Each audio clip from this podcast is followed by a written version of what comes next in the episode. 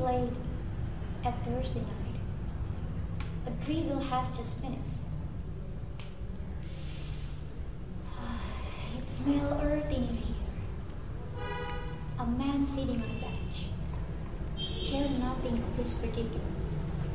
He was there during the drizzle all the time from seven till ten. No, I mean, he was already there even before it started. His white shirt and then is now plastered to his body.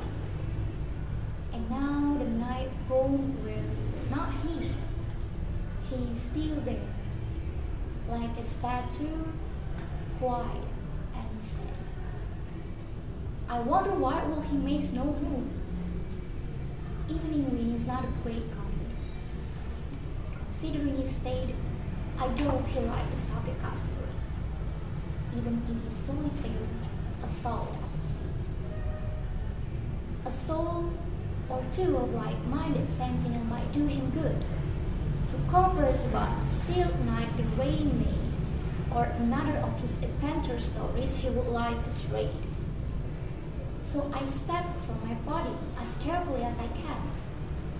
The treacherous rain never do good to me or my craning feet.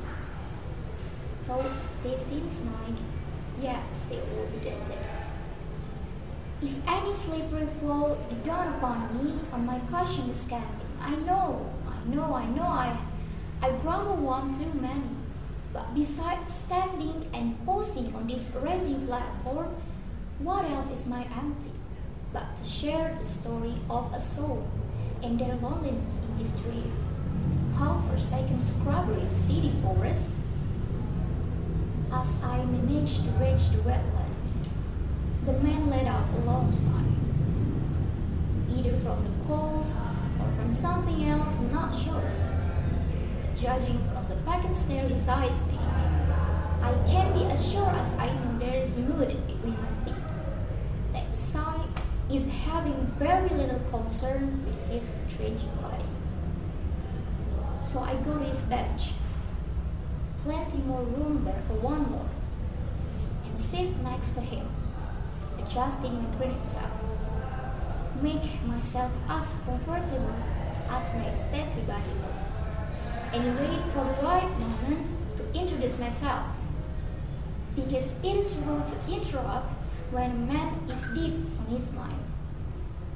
The fantasy and tales he has in there may need sometimes to manifest. So here I am, sitting politely in serenity of a rain flushed night, waiting for the man not far from me now to perhaps produce the first hello. But as quiet as a stone, he stays there uninterrupted, as if to say, I'm, I'm fine, dear. I'm fine on my own. There's nothing to say. Please keep each of our counsel to ourselves, uncorrupted. So I give him the favor he asks of letting him be. For being a stone, a silent one especially, is one of my expertise. Even a tip or two I might suggest to him to oversee. The art of not moving is what I do best. The craft he seems mine to have a very great interest because as silent as he is now, he still loses one important thing. What we, the statue of the park, know how to play to us. A statue I may be, but a lonely one I'm not. Because life still has many things to banter. Even if all you ever do is stay in this quiet post, remember of this knowledge I want. I want you to save. Even rain has no power when it's finally stopped. Just as sadness has no claim anymore when you cast it aside.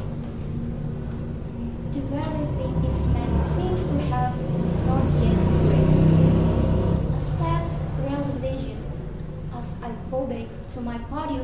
I, I, I go back to my body mistake again. Thank you.